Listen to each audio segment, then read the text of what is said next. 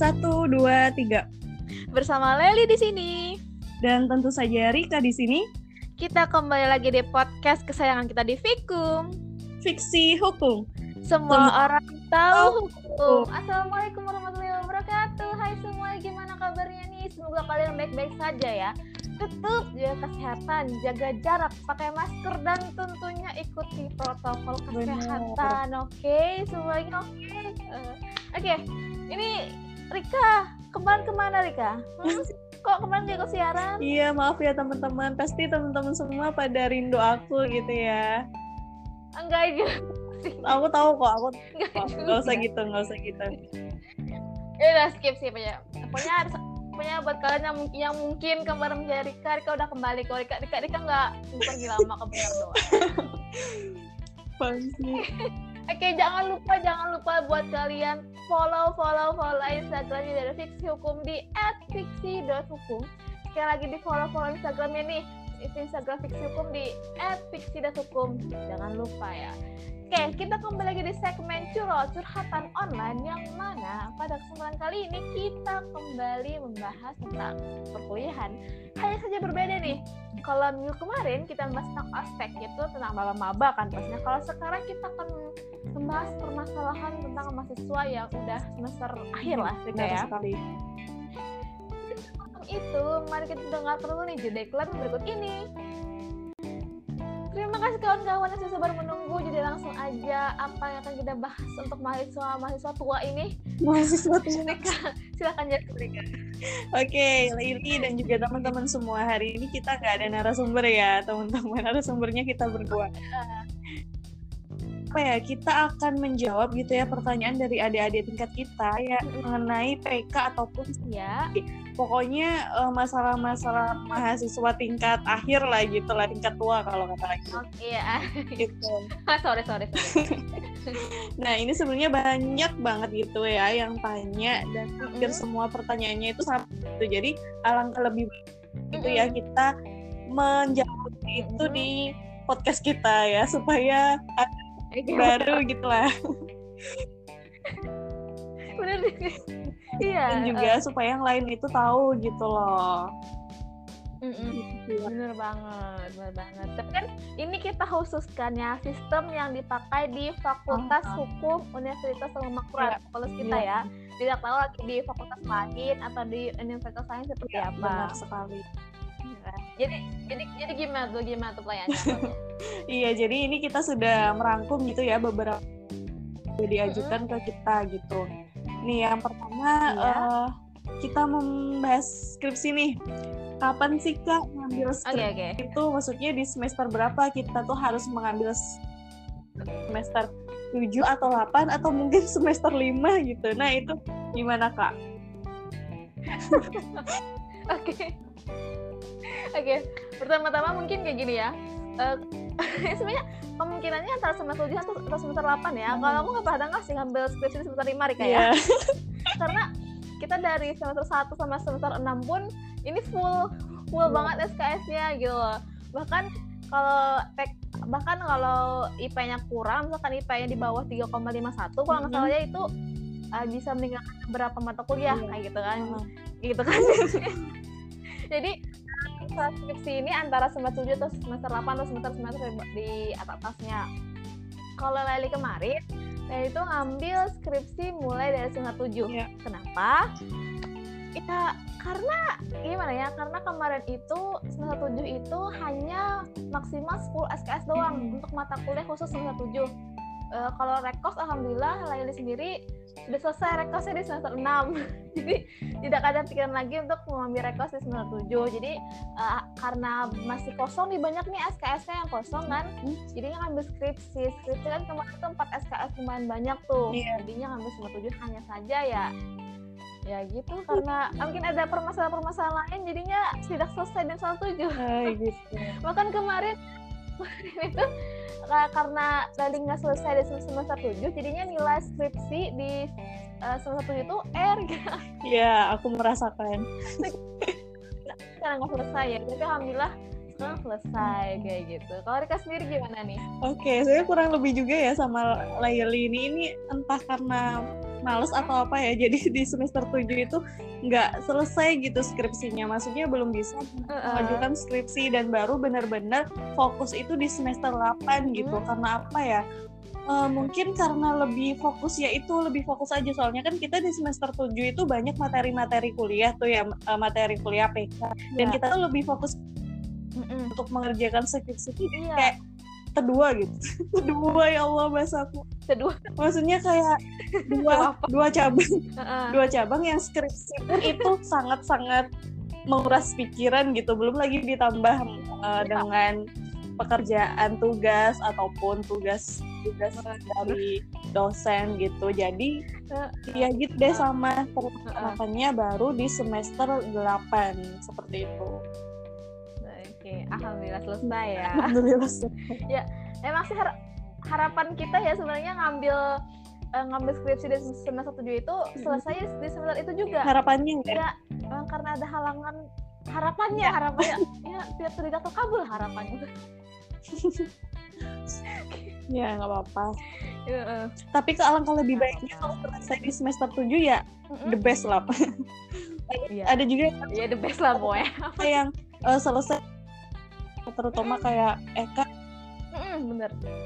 Iya bener-bener. Kemarin jadi narasumber kita ya, baru bisa juara juara satu baik satu Oke. di Eka man. Waduh baru biasa. Mantep temen kita tuh. Oke lanjut Rika ya. Kedua ini pertanyaan yang gimana ya? Agak sedikit nampar diriku ya. Berapa lama sih waktu waktu ngerjakan skripsi? Itu ke Rika duluan deh. Oke, Eh, eh, aku mulai mengajukan proposal dan di ACC proposalnya itu sejak bulan Desember tahun kemarin, berarti tahun 2019, dan aku sidangnya April 2020, berarti berapa bulan tuh? Empat ya? Wah. Itu sih rentan aku Hmm. untuk eh, bisa mengerjakan skripsinya. Mungkin karena ada beberapa hal juga, jadi eh, skripsi lebih cepat dari itu. Seharusnya bisa sih ya seharusnya. Cuman ada beberapa halangan yang harus uh, mundur gitu dari jadwalnya. Seperti itu. Kalau aku Laili gimana? Tadi Rika bulan Desember ya tadi seminar proposalnya ya. Kalau Laili kemarin, eh, kayak duluan Laili ya kemarin tuh Iya. eh, Laili tanggal 8 November 2019 kemarin seminar proposalnya. Hanya saja selesainya itu kemarin sidang tanggal 22 Juni 2020. Jadi silakan kalian hitung aja deh. Desember. aku ngitung, aku kayak Maret April Mei Juni Juli ya Oke nggak usah lah, Oh. come on, sudah lah. Oke sudah, Juni, Juni, Juni, Juni, Oh, Juni, Juni, Juni dong, Juni. jangan lebih lebihkan dong. sudah, sudah lah. Oke, nah, setengah tahun ya ya sudah lah. Oke, gitu lah. Oke. kan? Karena emang bikin ada halangan juga. Ya. Ini antara alasannya ngevalit atau ngeles tuh. iya Nah gitu lah, pokoknya ada beberapa halangan lah. Karena COVID juga kan, ih COVID nih, karena COVID juga. Mm-mm. jadinya komunikasi sama dosen itu agak sedikit terganggu gitu. karena mungkin dosen sibuk juga masalah kan dulu PSBB juga sih PSBB lockdown dan yang seperti itu. Oke, jadi kalau misalnya pengen cepet-cepet gitu ya sidang ataupun skripsi ya eh, dicepetin juga buat ngambil skripsinya. Iya dong bener. gitu. dan Mm-mm. harus rajin untuk bikin Iya, skripsinya jangan undur-undur gitu. Lanjut ya. Iya bener banget Ap- mengenai judul skripsi yang tanya kak eh, terinspirasi judul itu dari mana sih kak? Gitu. oke. Kalau ini kemarin sudah kita bahas di segmen skripsi ya skripsi eh, pas episode lain kemarin. Itu jujur ya itu hanya untuk konten sebenarnya. Kemarin tuh alasan aku apa ya alasan aku apa ke mana nih alasan aku tuh aku lupa alasan alasan gimana cuman itu bukan alasan sebenarnya. Kayak membaik-baikin aja kalau alasan sebenarnya ya. Dapat inspirasi dari mana itu dari Google. Iya. saat kan saat saat bingung bingung banget mencari judul skripsi itu apa ya ya kan? Kan lady PK acara kan? Hmm. PK acara tentang masalah prosesnya proses dari hukum Mm-mm. itu apa sih yang mau dibahas gitu. dan alhamdulillah dapat dapat di Google gitu. Terus terus bertanya kepada dosen lupa dosen apakah ini bagus? Ya udah lanjut lanjutkan Hmm, gitu sih. Kayak itu ju- jujurnya ya kalau kemarin ya agak sedikit ditambahi bumbu-bumbu micin. Oh Rika sendiri. Oke, kalau aku alasannya lebih bagus lah daripada Laili gitu ya. Alasannya karena alasannya karena ikut lomba. Jadi kemarin terin dari eh, apa ya yang dibahas di lomba itu gitu tentang kepailitan. Jadi ya terinspirasinya dari situ deh Hmm. gitu. Kata aja sih. Gitu. aduh singkat singkat tapi bermanfaat Iya, ya tidak ada tambahan-tambahan Dan itu juga setelah melalui beberapa apa ya proses maksudnya yang judul-judul kemarin iya dong ditolak gitu loh Lai. Nggak Mm-mm. Udah Mm-mm. nggak selangsung itu gitu maksudnya. Ya bener juga sih ya kayak singkat banget cuman padahal panjang prosesnya bener banget Iya. oke ini selanjutnya Rika ya Em, agak sedikit nyambung dengan yang perayaan sebelumnya itu caranya dapat judul skripsi itu seperti apa Rika? Iya, caranya supaya cepet gitu ya dapat judul. Yang pertama Mm. melihat di keadaan di sekitar kita aja dulu gitu loh. Kayak misalnya skripsinya Yulita kemarin. Nah, dia tuh kan melihat keadaan di Ya. sekitar gitu mengenai mahar yang ada di apa yang ada di lingkungannya maksudnya kejadian-kejadian di masyarakat. Nah itu bisa langsung diangkat jadi skripsi kalau kita peka gitu sekitar yang kedua kalau aku lebih sering eh, apa kayak baca-baca berita yang lagi yang lagi apa ya kayak yang lagi ataupun yang lagi hype itu loh yang keluar saat ini tuh apa dan itu dicari celah-celah kekosongan hukumnya di mana gitu kekaburan normanya di mana gitu sih kalau aku dan tiga Mm. kemarin eh, sempat juga cari-cari judul itu di hukum online nah di hukum ada Mm-mm. Iya. membahas mengenai suatu permasalahan hukum kan nah di situ juga biasanya mereka jelaskan bahwa Mm. ini loh yang nggak ada dasar hukumnya ini loh yang ada yang kekosongan hukum ataupun yang normanya kabur nah biasanya di situ, di situ ada dijelaskan. Habis itu ya udah kita goreng judul judulnya itu ke dalam skripsi kita gitu kalau aku. Iya. Mantep ya, inspiratif sekali ya, luar biasa beda malah ini ya kalau lainnya gimana tuh? Oke, kan tadi eh, dapat judulnya itu kan tadi tadi dari Google kan, cuman ya nggak langsung Google langsung di ya, enggak lah. langsung dieksekusi nggak Ah. juga kan. Pas dapat itu kemarin itu dapat di Google itu eh, pembahasan tentang intinya, inti tema itu tentang kebiri kimia itu dulu, baru yang kebiri kimia ini apanya sih yang yang apa sih yang di- perlu dibahas apa Hmm. sih apakah ada kekosongan hukum konflik atau seperti apa alhamdulillah ya kemarin kemarin itu masalah kebiri kimia ini untuk aturan tata atau tata cara pelaksanaannya itu masih belum ada hingga saat ini ya padahal undang-undangnya sendiri itu undang-undang perlindungan anak itu sudah ada sejak tahun 2016 Mm-mm. tapi sampai sekarang belum ada nih tata cara pelaksanaan kebiri kimianya nih mantap nih kata aku. mantap kita diambil dong nah mulai kayak mulai itulah nah, jadi jadi Iya. skripsi cuman cuman sama juga sih kayak uh, ada beberapa perubahan bahkan yang diseminarkan pun berbeda dengan yang sudah disidangkan kemarin Oke. Pro- melalui proses sidang Hmm. seperti itu Ya dan juga kemarin tuh ada juga teman kita Eti ya dia tuh kayak browsing browsing dia kan suka lihat Instagram gitu habis Mm-mm. ngelihat explore baru Iya. apa ngetemu ngetemu apa sih ketemu suatu berita yang membahas mengenai female Heeh. apa F apa sih FGM female genital apa gitu kan. mutilation. Nah itu jadi dia nemunya tuh juga di media sosial gitu nggak nyangka gitu. oh heeh. Nih Laili pertanyaan yang selanjutnya ya mengenai dospem. Nah nanti tuh siapa Oh, sih kak dospem yang bakal eh, apa yang bakal mendampingi kita memilih dospem itu ataukah nanti dipilihkan gitu? Mhm. Gimana? tuh? Mm-mm. Mm-mm. Oke, dari, dari dulu ya. Ya.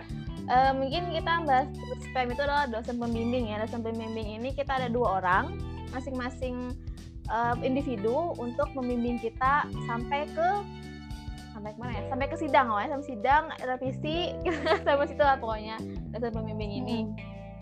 Lalu apakah pembimbing-pembimbing bisa, bisa dipilih? Eh, gimana ya?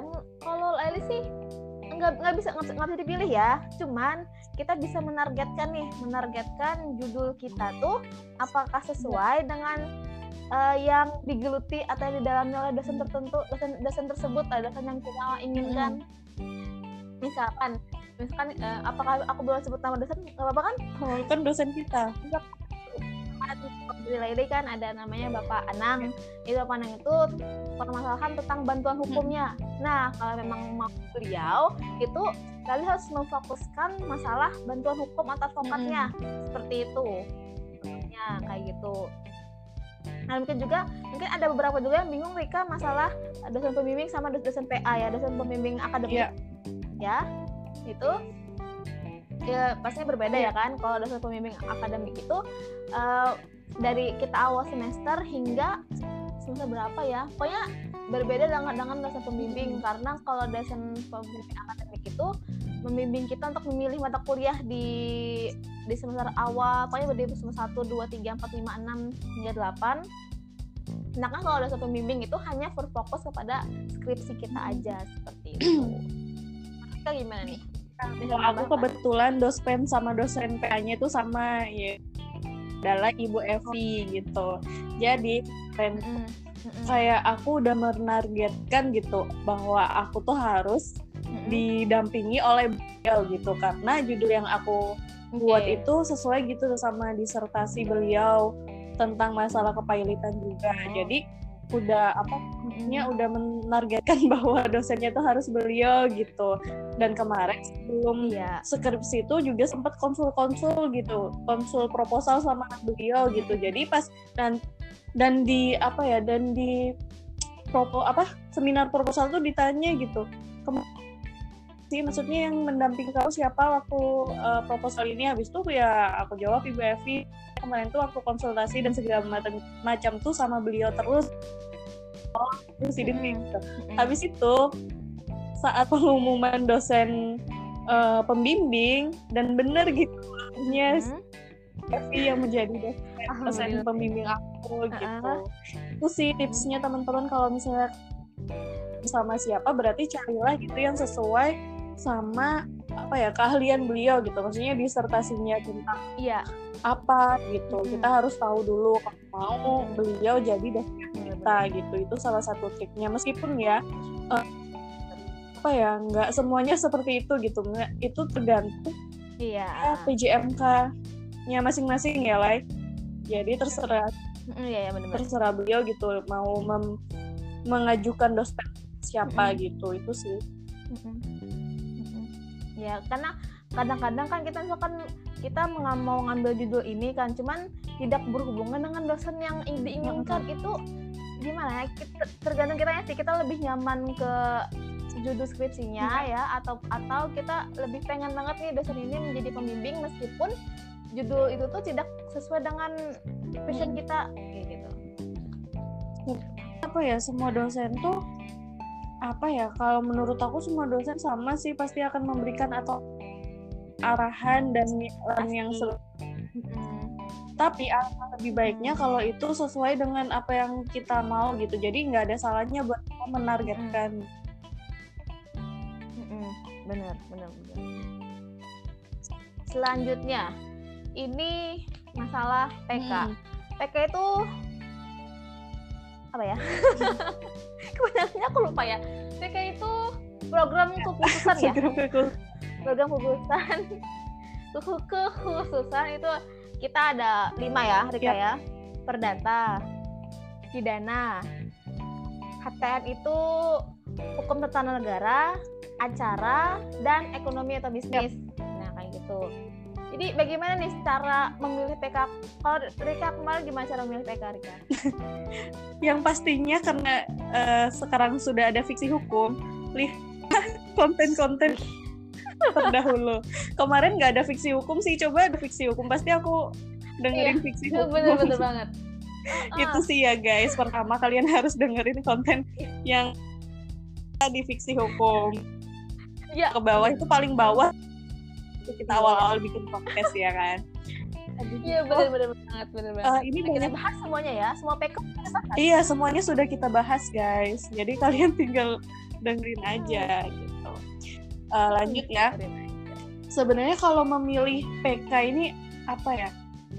Uh, oh ya sebelumnya banyak juga yang tanya bingung gitu memilih PK antara PK perdata atau uh, pidana. Habis. Itu antara PK acara sama perdata. Habis itu ada yang bingung pokoknya beberapa mereka tuh dilema gitu sedangkan menurut aku ya kalian mm-hmm. beruntung dong maksudnya menyukai kedua hal itu berarti kalian nggak ada ruginya kalau misalnya harus memilih antara kedua itu kan logik Iya kan kalau kita okay, menguasai okay. kedua itu berarti uh. kita nggak akan rugi gitu loh memilih satu di antara itu seharusnya ya kan? Kita digampangkan. Gitu. Iya. Seharusnya. Tetap masih bingung ya. Um, sholat istighfar. Enggak? Ya enggak. Itu salah satunya ya kalau masih bingung banget. Habis itu kalau aku sih pilih yang kalau kemarin aku milih PK itu berdasarkan nilai nilai aku yang paling tinggi itu di mana yang paling bagus itu di mana. Kemarin tuh aku malah bingung tiga antara uh, apa pidana perdata sama acara sebenarnya tuh. Habis itu aku lihat deh nilai aku yang paling bagus tuh yang mana yang aku apa ya paling aku senengin gitu mata kuliahnya tuh iya. gitu. Dan setelah aku lihat-lihat gitu di perdata ini gitu yang paling serk gitulah di hati menurut aku ya meskipun tidak itu sama gitu maksudnya 50-50 lah tapi pasti ada gitu satu persen yang lebih unggul gitu kalau aku gitu sih ya. Kalau Laili gimana tuh? Kalau aku um, apa ya kemarin tuh men PK itu aku uh, antara dua aja sih mm -hmm. Antara acara sama pidana. Cuman aku lebih suka masalah yang beracara atau berprosesnya aku lebih suka mendalami tentang intinya mm. jadi ambil acara. Udah gitu doang. Singkat kan? Untuk untuk mungkin kalian yang bingung uh, sebenarnya kalau dari aku sendiri kemarin itu bingung ya PK itu karena tidak tahu nih acara itu seperti apa, pidana itu seperti mm. apa, perdata seperti apa gitu. Kalau sekarang kita sudah ada fiksi promo lagi. Iya iya. iya. enggak sekarang sudah ada ini kan sudah ada sudah ada fiksi hukum yang memfasilitasi kalian memberikan informasi buat kalian tuh bagaimana sih memilih PK di plus hukum. Mm. Jadi kalian tinggal dengarkan aja. Oke, okay, okay, lanjut ya pertanyaan yang selanjutnya nih dari Ade. Nah, cara mengajukan proposal itu gimana sih? Cara mengajukan proposal ya. Proposal apa nih? Proposal nikah? Oke, okay, proposal skripsi ya. Proposal skripsi. Oke, okay, sorry sorry. Oke, okay, sorry. Fokus Kak. Fokus, oke. Okay. Dan kita sedikit mundur ya masalah proposal ini. Jujur kalau masalah syarat-syarat sahnya, aku pun lupa. Salah syarat sah ini salah satu sahnya itu aku benar lupa. Cuman ingat seingatku kemarin, pokoknya aku udah, udah dapat judul, terus uh, eh, PJMK itu sih apa sih kepanjangannya? Pokoknya dosen uh, ketua, iya, ketua apa yang mengetuai suatu jurusan lah seperti itu itu langsung aja katanya ajukan ajukan aja langsung ya udah gitu doang terus masalah yang um, sistem pasti itu misi syaratnya apa-apa aja masuk mengajukan proposal pastinya sudah ada judul pastinya. Sudah ada judul. Kalian kalian udah uh, yang aku ingat itu kalian harus bikin proposal tuh minimal 10 halaman ya minimal 10 halaman. Terus buku atau daftar pustaka itu minimal 5 itu yang aku ingat terus dipresentasikan kayak gitu itu yang aku ingat sih silakan kamu menambahkan. Oke okay, ini uh, awal banget ya proposal. Jadi yang belum tahu gitu ya proposal itu adalah tahap di mana kita mengajukan uh, apa ya kayak bagian depannya dari skripsi kita. Jadi nanti tahapan iya. itu ada proposal ada pengajuan proposal ada uh, sempro. Sempro itu apa ya? Seminar proposal seminar seminar proposal baru nanti sidang gitu jadi ada tiga oh, tahapan ya. teman-teman jadi nanti alangkah lebih baiknya gitu kita itu sudah punya judul dan sudah punya bukti fisiknya yang sudah selesai gitu proposalnya. Jadi kita enak gitu pas semester 7 itu tinggal mengajukan aja. Dan yang lebih enaknya lagi kalau kita ngerjain itu ada mata kuliah uh, penulisan ah penulisan hukum. Apa sih leh metode penulisan hukum benar. Semester uh, metode ya? penulisan dan pelatih. Penulisan dan pe metode penulisan hukum. ayo, ayo. dan penelitian hukum. MP, MPPH ya MPP nah ya um, ya nah itu kalian tuh alangkah lebih bagusnya kalau di MPPH itu kalian benar-benar guys menyiapkan skripsi kalian gitu. Cari benar-benar judul yang belum pernah diangkat gitu. Judul yang maksudnya ya. yang fresh gitu yang nantinya uh, yang nantinya akan berlanjut ke skripsi kalian alangkah lebih baiknya ya. Jadi jangan asal-asalan mm. banyak tuh yang uh, ngerjain tugas MPPH-nya itu asal-asalan asal ngumpul lah. Dinilai aja itu jangan ya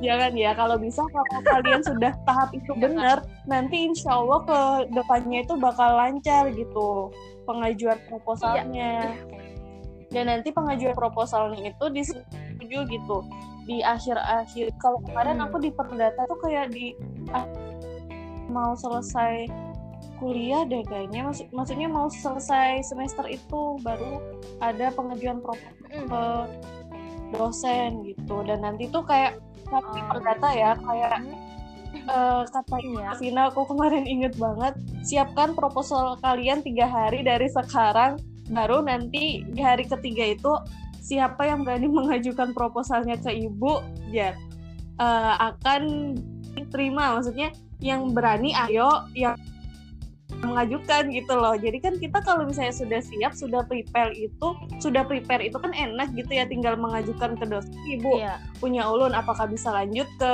uh, skripsi atau enggak? gitu. Dan aku kemarin sayangnya itu enggak begitu.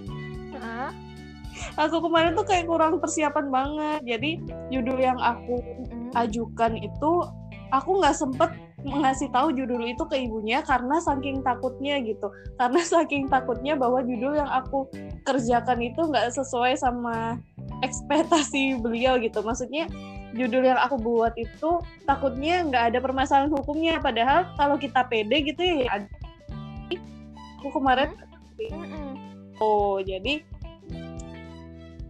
deh maksudnya ketunda lagi gitu untuk masalah pengajuan proposalnya. Dan itu setiap setiap sa bukan setiap saat sih maksudnya berapa minggu sekali ya pengajuan proposal itu aku lupa. Tentunya nanti mm-hmm. uh, ada aja pengumuman dari dosen masing-masing siapa yang mau mengajukan proposal. Nah kalau misalnya sudah di ACC proposalnya baru nanti kita ke tahap seminar proposal ya lah iya benar benar banget. Kayak gitu oke. Sekian. Udah cukup. Ada lagi Rika? Uh, mungkin apa ya banyak ya yang nggak terjawab gitu dari yang pertanyaan yeah. ada mungkin nanti kita buat part 2 nya lah ya mungkin nanti ya yeah. next time ya. Dan buat kalian juga jangan jangan sungkan untuk bertanya tanya-tanya aja terus nggak apa-apa. Kami selalu siap mm -hmm. untuk mendengarkan dan akan menjawab insya Allah. Kalau kami sanggup. Oke? Okay? Oke, mari kita tutup episode kali ini. Terima kasih tentunya buat kawan-kawan atau adik-adik yang telah bertanya, yang telah memberikan kami konten suatu suatu konten. Terima kasih banyak buat adik-adik dan buat kalian tentu saja ditunggu semua pertanyaan-pertanyaan kalian setelah kami selalu tunggu. Dan kami tentunya mohon maaf sebesar-besarnya bila selama kami pembahasan tadi mungkin banyak ketawanya, banyak bercandanya, cuma semoga masuk ke inti pembahasan juga terima kasih banyak pada kawan-kawan yang sudah sabar menunggu atau sabar mendengarkan hingga saat ini. Jangan lupa, jangan lupa di follow-follow Instagram Fiksi Hukum di @fiksi.hukum. Buat kalian yang pengen juga jadi narasumber di Hotpot, Curo, ataupun Script Suite, kami tunggu kabarnya. Dan juga jangan lupa sampaikan kritik dan saran kalian. Sampai jumpa di episode-episode lainnya. Tetap di Fikum. Fiksi Hukum. Semua orang tahu hukum. Bye-bye.